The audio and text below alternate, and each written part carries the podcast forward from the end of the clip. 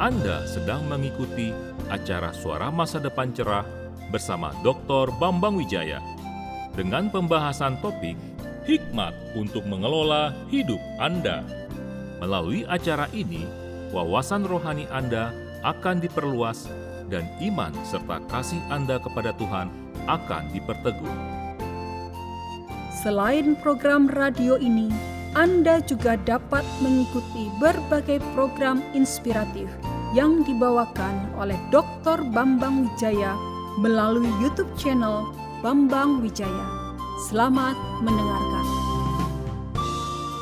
Keberhasilan tidaklah terlepas dari mengetahui panggilan Tuhan bagi diri kita dan menghidupi panggilan itu dalam kehidupan kita. Menghidupinya yaitu dengan menjadikan panggilan tersebut sebagai tujuan kehidupan. Dan untuk mewujudkannya kita rela membayar harganya. Hal ini dapat kita lihat dalam diri Henry Crowell yang kisah hidupnya pernah saya ceritakan dalam khotbah saya beberapa tahun yang lalu. Mungkin sebagian di antara saudara belum pernah mendengar nama yang bersangkutan. Namun kebanyakan orang mengenal atau bahkan pernah menikmati produk makanan dari perusahaan yang ia dirikan.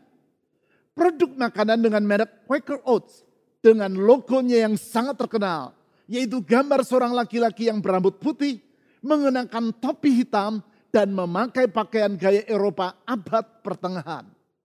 Saat ini Quaker Oats Company merupakan salah satu produsen makanan terbesar di dunia. Henry Crowell menjadi anak yatim sejak ia masih bocah. Ketika ia berusia 9 tahun, ayahnya meninggal dunia karena penyakit tuberkulosis atau TBC. Pada waktu ia berusia 17 tahun, Henry Crowell juga terjangkiti oleh penyakit yang sama. Pada masa itu, tuberkulosis merupakan penyakit yang dianggap sangat berbahaya dan menjadi epidemi di berbagai tempat. Suatu hari, di dalam keadaan tubuh yang sangat lemah dikarenakan oleh sakit tuberkulosis, Henry Crowell mengikuti ibadah kebangunan rohani yang dilayani oleh Dwight L. Moody, seorang hamba Tuhan dan penginjil yang sangat terkenal dari Chicago, Amerika Serikat. Dalam khotbahnya malam itu, di El Mudi berkata, dunia akan melihat apa yang Tuhan dapat lakukan bersama, untuk, dan melalui seorang pribadi yang dengan sepenuh dan dengan segenap hati menyerahkan diri kepadanya. Mendengar perkataan tersebut, Henry Crowell berdoa, Tuhan, oleh anugerahmu dan dengan pertolongan roh kudus, aku akan menjadi orang itu. Aku tidak dapat menjadi seorang pengkhotbah seperti D.L. Moody, namun dapat menjadi seorang pengusaha yang baik. Tuhan, bila engkau mengizinkan aku menghasilkan uang, aku akan menggunakannya untuk pelayananmu. Dengan berkata seperti itu, Henry Crowell mengutarakan keyakinan dirinya akan panggilan Tuhan bagi hidupnya. Ia tahu bahwa Tuhan tidak memanggil dirinya untuk menjadi seorang pengkhotbah, namun menjadi seorang pengusaha. Untuk itu ia bercita-cita menjadi seorang pengusaha yang baik, yang akan melayani Tuhan melalui keuangan yang ia peroleh dari pekerjaannya. Di saat ia berusia 25 tahun, dokter menyatakan bahwa Henry Crowell sembuh dari tuberkulosis yang ia derita. Setahun kemudian, yaitu di tahun 1881, ia membeli sebuah pabrik gandum yang hampir bangkrut dan mengubahnya menjadi Quaker Oats Company. Perusahaan ini bertumbuh menjadi produsen dari berbagai jenis makanan dan berkembang menjadi sebuah perusahaan yang sangat berhasil. Di tengah keberhasilannya, Henry Crowell tidak pernah melupakan tujuan dari kehidupannya seperti yang ia utarakan ketika dirinya sedang mengikuti ibadah kebangunan rohani yang dilayani oleh D.L. Moody tadi. Yaitu menjadi seorang pengusaha yang baik dan yang melayani Tuhan dengan keuangannya. Oleh karena itu dari sejak ia mulai bekerja, Henry Crowell telah memberikan 10% dari penghasilannya untuk pekerjaan Tuhan. Seiring perjalanan waktu, ia menaikkannya menjadi 20 persen Dan Tuhan semakin memberkati usahanya. Ia menaikkannya menjadi 30 persen. Dan Tuhan semakin memberkati dirinya. Ia menaikkan persembahannya menjadi 40 persen, 50 persen, dan akhirnya 70 persen dari seluruh penghasilannya. Dan Tuhan terus memberkati kehidupannya. Bukan itu saja. Di dalam 40 tahun terakhir dari kehidupannya, di tengah kesibukannya sebagai seorang pengusaha yang sangat besar, Henry Crowell selalu menyisihkan satu hari kerja per minggu untuk melayani Tuhan, yaitu dengan mengurus Moody Bible Institute di Chicago, Illinois. Bagi seorang konglomerat kelas dunia, memberikan waktu satu hari kerja penuh per minggu di luar hari Sabtu dan Minggu untuk melayani Tuhan, tentu bukanlah hal yang remeh.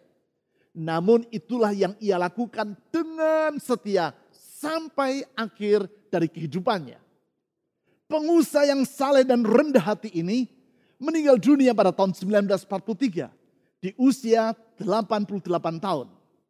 Sampai kepada hari ia wafat, Henry Kroll selalu menyimpan selembar kartu di dalam sakunya. Kartu dengan tulisan, If my life can be always lived so as to please him, I'll be supremely happy. Bila hidupku dapat senantiasa dijalani untuk menyenangkan hati Tuhan, aku akan sangat berbahagia. Tidak seorang pun yang dapat menyangkali bahwa Henry Crowell dan istrinya, Susan Crowell, adalah pasangan suami istri yang berbahagia. Selain itu, Henry Crowell juga diingat orang sebagai pribadi yang berhasil karena ia memahami panggilan Allah bagi dirinya dan benar-benar menghidupi panggilan tersebut panggilan yang ia ringkas dalam frasa tadi, yaitu hidup untuk menyenangkan hati Tuhan. Menyenangkan hati Tuhan dengan hidup memenuhi panggilannya. Kalau semisalnya ia berupaya untuk meniru jejak dari D.L. Moody, yaitu menjadi seorang pengkhotbah, dapat diperkirakan bahwa keberhasilan yang ia capai tidaklah akan seperti karena ia memenuhi panggilannya, yaitu sebagai seorang pengusaha. Justru dengan bekerja sebagai seorang pengusaha, dirinya telah membantu pendidikan ribuan pengkhotbah yang dilatih melalui Moody Bible Institute. Salah satu lembaga pendidikan teologi yang sangat terkenal di dunia. Bantuan yang ia lakukan antara lain dalam bentuk dukungan dana yang ia berikan kepada lembaga tersebut. Memang keberhasilan tidaklah terlepas dari mengetahui panggilan Tuhan bagi diri kita dan menghidupi panggilan itu dalam kehidupan kita. Menghidupinya, yaitu dengan menjadikan panggilan tersebut sebagai tujuan kehidupan. Dan untuk mewujudkannya, kita rela membayar harganya. Hal seperti itu pula lah yang dapat kita lihat dalam diri Daniel bersama dengan ketiga rekannya. Hananya, Misael, dan Asaria. Mereka adalah para pemuda bangsa Yehuda yang mengetahui panggilan Tuhan bagi hidup mereka dan menghidupi panggilan itu. Alkitab mencatat sebagai akibat walaupun saat itu mereka berada di lingkungan yang sangat sukar, namun keberhasilan menyertai hidup mereka. Itu sebabnya adalah sangat penting bagi kita untuk menelaah kehidupan mereka. Sehingga masa sukar yang kita alami dalam masa pandemi ini tidak akan menenggelamkan kehidupan kita. Sebaliknya sama seperti Daniel dan ketiga rekannya. Yang di kemudian hari lebih diingat orang dengan nama mereka yang lain. Yaitu Sadrah, Mesak, dan Abednego. Di masa yang sulit ini pun kita dapat hidup dalam keberhasilan Keberhasilan oleh sebab kita hidup sesuai dengan panggilan Tuhan bagi diri kita. Dan dengan demikian kita hidup untuk menyenangkan hatinya seperti yang diutarakan oleh Henry Crowell tadi. Untuk mempelajari kehidupan keempat pemuda ini, saya mengajak saudara untuk membaca Daniel pasal 1 ayat 3 sampai 7. Daniel pasal 1 ayat 3 sampai 7. Lalu raja bertitah kepada Aspenas, kepala istananya. Yang dimaksudkan dengan raja di sini adalah Raja Nebukadnezar, Raja Babel, negara yang 2500 tahun yang lampau merupakan negara superpower. Dengan kekuatan militernya yang sangat hebat, Nebukadnezar mampu menaklukkan negara-negara di sekitar Babel dan memperluas wilayah kerajaannya sehingga meliputi sebagian dari tiga benua, yaitu sebagian dari Eropa, Asia, dan Afrika. Di dalam ekspansi militernya tersebut, ia juga menaklukkan negeri Yehuda dengan ibu kotanya, yaitu Yerusalem. Saya baca ulang. Lalu raja bertitah kepada Aspenas, kepala istananya untuk membawa beberapa orang Israel yang berasal dari keturunan raja dan dari kaum bangsawan. Yakni orang-orang muda yang tidak ada sesuatu celah. Yang berperawakan baik, yang memahami berbagai-bagai hikmat. Berpengetahuan banyak dan yang mempunyai pengertian tentang ilmu yakni orang-orang yang cakap untuk bekerja dalam istana raja. Supaya mereka diajarkan tulisan dan bahasa orang Kasdim, orang Babel. Dan raja menetapkan bagi mereka pelabur setiap hari dari santapan raja dan dari anggur yang biasa diminumnya. Mereka harus dididik selama tiga tahun dan sesudah itu mereka harus bekerja pada raja. Artinya Raja Nebukadnezar bermaksud untuk mengubah pola pikir dan kebiasaan dari orang-orang muda ini. Yaitu agar mereka hidup dengan pola pikir, budaya, dan kebiasaan dari orang Kasdim atau orang Babel.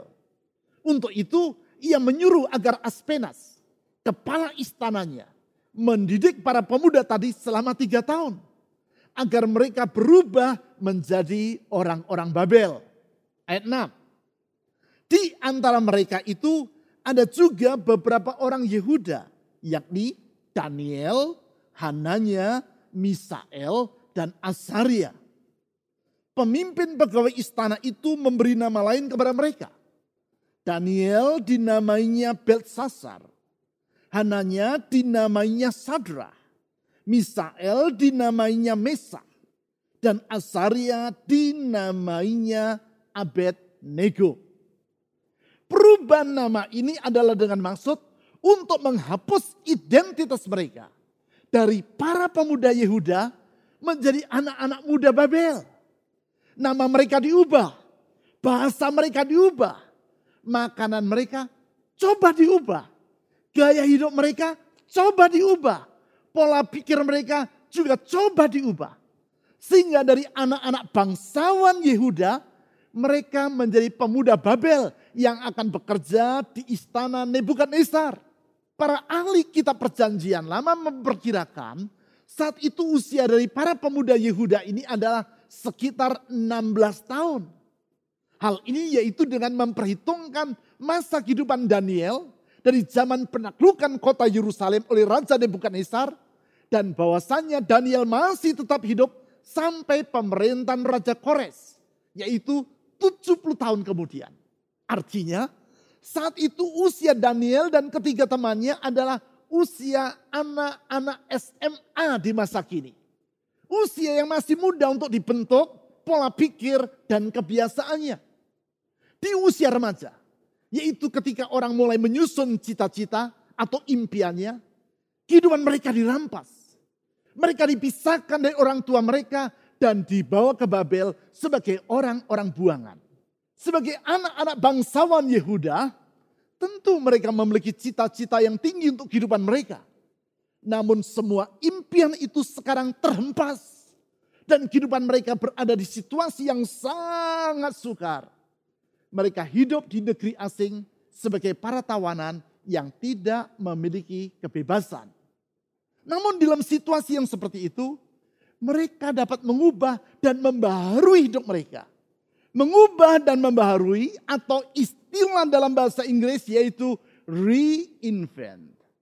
Oxford Dictionary mendefinisikan kata reinvent antara lain sebagai to change something so much that it appears to be entirely new. Mengubah sesuatu dengan sedemikian rupa sehingga seluruhnya nampak menjadi baru. Itulah yang dialami oleh keempat pemuda ini. Mereka mengubah kehidupan mereka yang sudah porak-poranda menjadi kehidupan yang baru dan yang lebih indah daripada yang sebelumnya. They reinvented their lives. Mereka membaharui kembali kehidupan mereka. Hal yang sama dapat saudara alami dalam kehidupanmu. Di tengah masa sukar oleh karena pandemi ini. Di mana masa depanmu seakan-akan terampas dari hidupmu. Engkau berada di situasi yang tidak pernah engkau alami sebelumnya. Sehingga engkau sama seperti berada di negeri yang asing. Dan engkau dalam keadaan terbelenggu oleh kesukaran. Engkau dapat reinventing your life. Mengubah dan membaharui hidupmu. Sehingga menjadi lebih baik. Itulah yang dialami oleh Daniel, Hananya, Misael, dan Asaria. Itu pula yang dapat saudara alami. Pembaruan atau reinvention yang dimulai dari membaharui tujuan, cita-cita, atau impian hidupmu. Reinvent your dream. Kalau semula impian hidup dari Daniel dan ketiga temannya terhempas oleh keadaan. Maka bila kita membaca ayat-ayat selanjutnya, kita akan melihat bagaimana mereka membaharui cita-cita dan tujuan hidup mereka. Untuk itu secara singkat saya akan menjelaskan tiga pelajaran penting yang dapat kita tarik dari kehidupan para pemuda Yehuda ini. Yaitu tentang bagaimana mereka membaharui impian, cita-cita atau tujuan hidup mereka. Reinvent their dreams. Tujuan yang mulia. Sehingga hidup mereka merupakan kehidupan yang tidak sia-sia. Pelajaran yang pertama, tujuan yang mulia tidak akan tergantung pada keadaan. Saya ulang, tujuan yang mulia tidak akan tergantung pada keadaan. Artinya, orang yang hidup dalam tujuan yang mulia tidak akan membiarkan keadaan mempengaruhi tujuan hidup mereka. Hal ini dapat kita lihat dalam kehidupan Daniel dan ketiga orang temannya. Sebagaimana yang ditulis dalam Daniel pasal 1 ayat 8. Mereka hidup dengan tujuan yang mulia. Yaitu hidup untuk menyenangkan hati Tuhan. Di ayat tersebut ditulis seperti demikian. Daniel pasal 1 ayat 8. Daniel berketetapan untuk tidak menajiskan dirinya dengan santapan raja dan dengan anggur yang biasa diminum raja dimintanyalah kepada pemimpin pegawai istana itu supaya ia tak usah menajiskan dirinya. Ayat ini menunjukkan tekad yang luar biasa di dalam diri Daniel dan ketiga rekannya. Yaitu mereka bertekad untuk hidup menyenangkan hati Tuhan. Dengan tidak menajiskan diri karena makanan dan minuman yang biasa dinikmati oleh raja. Walaupun di sini tidak disebutkan apakah makanan dan minuman tersebut, dapat kita pastikan bahwa berdasarkan hukum Taurat, semua itu merupakan makanan dan minuman yang tidak halal. Daniel dan teman-temannya tidak bersedia menajiskan diri mereka dengan hal-hal yang tidak halal tersebut. Mereka ingin hidup menyenangkan hati Tuhan termasuk dalam hal makanan dan minuman. Ingat, bahwa Daniel dan kawan-kawannya ini bukanlah para imam, yaitu para pelayan bait suci. Mereka adalah anak-anak para bangsawan yang masih berusia remaja. Kalau di zaman sekarang, mereka bukan para rohaniwan, pendeta, ataupun gembala gereja. Mereka adalah anak-anak para pejabat yang masih berusia remaja anak-anak SMA yang orang tuanya adalah para bangsawan. Biasanya apa yang dipikirkan oleh anak-anak seusia itu? Apalagi kalau mereka adalah anak orang kaya atau pejabat. Biasanya mereka hidup bersenang-senang, bersikap masa bodoh tentang masa depan, dan merasa berada di atas hukum. Tetapi tidak demikian halnya dengan Daniel serta ketiga kawannya. Mereka tidak mau hidup dalam kehidupan yang sia-sia. Mereka hidup dengan tujuan atau impian yang mulia, yaitu hidup untuk menyenangkan hati Tuhan. Kualitas kehidupan mereka sungguh merupakan kualitas yang sangat luar biasa. Ingat, kalau kerajaan Yehuda dan kota Yerusalem dikalahkan oleh tentara Nebukadnezar dan penduduknya diangkut ke Babel sebagai tawanan dan orang buangan, hal tersebut adalah karena raja-raja para pembesar dan bangsa Yehuda telah meninggalkan Tuhan. Mereka membiarkan penyembahan berhala merajalela dan mereka menindas orang-orang yang miskin. Walaupun Allah melalui para nabinya selama 100 tahun lebih telah berulang kali memperingatkan mereka. Tetap juga mereka tidak mau bertobat. Sehingga sebagai akibat Allah menghukum mereka dengan menyerahkan bangsa Yehuda ke tangan bangsa Babel. Artinya Walaupun keempat anak remaja ini dibesarkan dalam lingkungan yang bengkok di Yerusalem, namun Daniel, Hananya, Misael dan Asaria tidak mau ikut-ikutan dengan kebobrokan yang ada di sekitar mereka. Mereka hidup dengan cita-cita, tujuan atau impian untuk menyenangkan hati Tuhan. Itulah kualitas kehidupan yang sangat mulia apabila saudara ingin kehidupanmu yang satu kali ini merupakan kehidupan yang tidak sia-sia. Hiduplah dengan tujuan yang mulia seperti itu. Berkali-kali saya berkata, mutu kehidupan kita sangat ditentukan oleh kualitas dari tujuan kehidupan kita. Kalau saudara percayakan hal tersebut, tulislah kata amin pada kolom komen di YouTube channel yang sedang saudara ikuti ini. Dengan demikian, saudara meneguhkan imanmu dan mengokohkan tekadmu untuk hidup dengan tujuan mulia seperti yang telah dicontohkan oleh Daniel dan ketiga temannya. Sekarang pelajaran yang kedua. Tujuan yang mulia menuntut komitmen yang sepenuh. Saya ulang. Tujuan yang mulia menuntut komitmen yang sepenuh. Sama seperti pepatah yang berkata, ada harga, ada barang. Demikianlah kaitan antara tujuan kehidupan dengan harga yang harus dibayar untuk menghidupi tujuan tersebut. Tidak ada barang yang sungguh-sungguh bermutu yang akan dijual dengan harga yang murah. Kecuali memang orang yang menjualnya tidak mencari untung atau menjualnya dengan tujuan beramal. Prinsip inilah yang dipegang oleh seorang jemaat kita yang adalah seorang pengusaha. Kalau makan di restoran, ia tidak mau bersusah-susah membaca menu. Karena itu ia bertanya kepada waiter restoran. Makanan apa saja yang termahal di sini? Pelayan atau waiter itu menyebut beberapa menu yang termahal. Dari menu yang termahal yang disebutkan oleh sang waiter tadi, teman ini memilih dan memesan yang ia sukai serta ia kendaki. Ia berprinsip yang enak pasti mahal. Walaupun prinsip ini tidak selalu benar untuk hal menu makanan. Sebab bisa saja walaupun mahal tapi makanan itu tidak enak. Namun memang untuk tujuan yang mulia kita harus rela membayar harga yang mahal.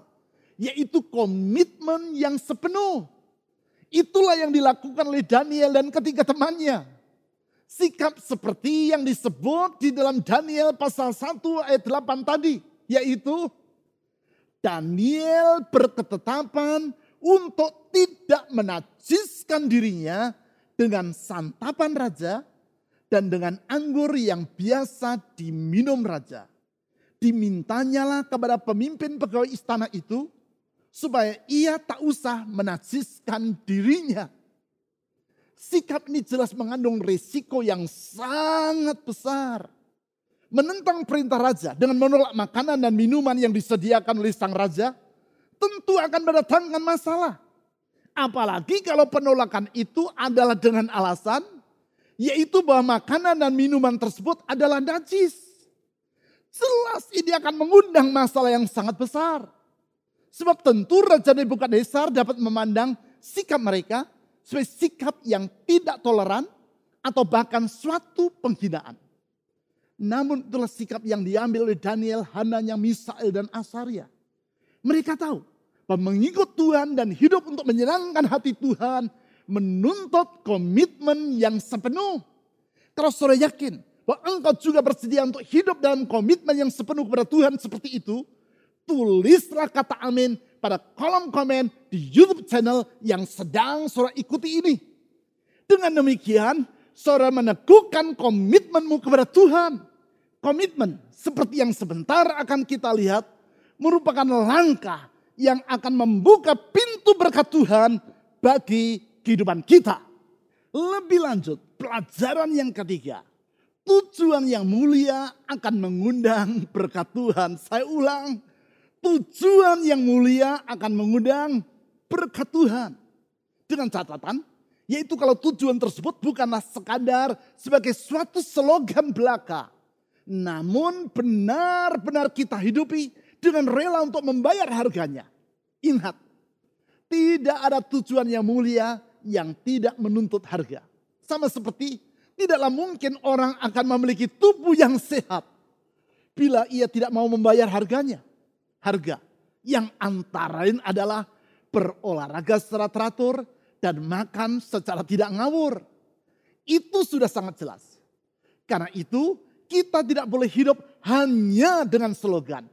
Namun kita harus benar-benar menghidupinya yaitu dengan mempraktikannya.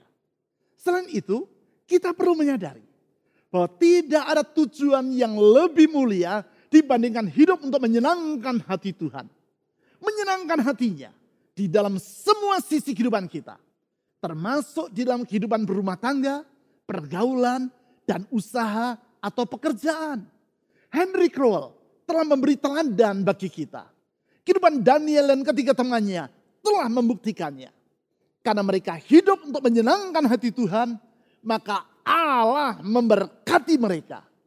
Tentang hal tersebut, di dalam Daniel pasal 1 ayat 17 sampai 19 ditulis seperti demikian. Daniel pasal 1 ayat 17 sampai 19. Kepada keempat orang muda itu, Allah memberikan pengetahuan dan kepandaian tentang berbagai-bagai tulisan dan hikmat. Allah yang memberi kepada mereka hikmat. Allah yang memberi hikmat kepada Daniel dan ketiga temannya. Sedang Daniel juga mempunyai pengertian tentang berbagai-bagai penglihatan dan mimpi. Setelah lewat waktu yang ditetapkan raja, bahwa mereka sekalian harus dibawa menghadap, maka dibawalah mereka oleh pemimpin pegawai istana itu ke hadapan Nebukadnezar. Raja bercakap-cakap dengan mereka. Dan perhatikan, di antara mereka sekalian itu tidak didapati yang setara dengan Daniel, Hananya, Misael, dan Asaria. Karena Allah memberkati mereka. Maka bekerjalah mereka itu pada raja. Singkat kata, Orang yang hidup dengan tujuan untuk menyenangkan hati Tuhan tidak akan pernah dikecewakannya. Apabila orang tua di dunia tidak akan mengabaikan sikap anak-anaknya yang berusaha untuk menyenangkan hati mereka. Apalagi Tuhan kita. Ia pasti akan membalas orang yang hidup dengan tujuan yang mulia. Yaitu tujuan untuk menyenangkan hatinya dengan kebaikan-kebaikannya. Itulah yang telah dialami oleh Daniel, Hananya, Misael, dan Asaria. Hal yang samalah yang dapat saudara alami dalam kehidupanmu. Itu sebabnya seperti yang telah saya utarakan tadi. Keberhasilan tidaklah terlepas dari mengetahui panggilan Tuhan bagi diri kita. Dan menghidupi panggilan itu dalam kehidupan kita. Panggilan Tuhan yang tertinggi adalah hidup untuk menyenangkan hatinya. Panggilan yang bukan saja akan mendatangkan keberhasilan bagi diri kita. Tetapi juga merupakan panggilan yang memang seharusnya kita penuhi dalam kehidupan kita. Sebab dia adalah Allah yang layak untuk dipuji dan disembah. Bukan itu saja. Dia juga adalah pribadi yang telah mengasihi kita dengan kasihnya yang tidak terbatas. Sehingga sepatutnya lah bila kita hidup untuk menyenangkan hatinya. Kasih yang telah ia buktikan melalui kerelaannya dengan datang ke dunia dan menjadi sama dengan manusia. Di dalam kasih itu, ia telah rela berkorban sampai mati di kayu salib bagi kita. Pengorbanan yang sebentar kita akan rayakan melalui perjamuan kudus. Pengorbanan Yesus Kristus yang menghapuskan masa lalu kita yang kelam dan yang membentangkan masa depan yang baru serta indah bagi hidup kita. Dalam kasihnya tersebut, ia bersedia menyertai dan menuntun hidup kita dengan roh kudusnya. Sehingga di setiap keadaan kita tidak perlu berputus asa. Karena kita percaya bahwa dia, Yesus Kristus, Tuhan kita, tidak akan pernah meninggalkan kita. Dia setia kepada firman-Nya dia setia kepada janjinya. Dan dia setia kepada umatnya.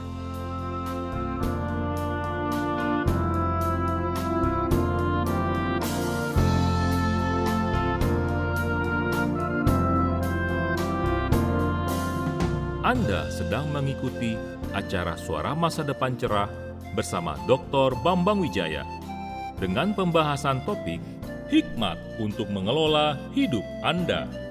Melalui acara ini, wawasan rohani Anda akan diperluas dan iman serta kasih Anda kepada Tuhan akan diperteguh.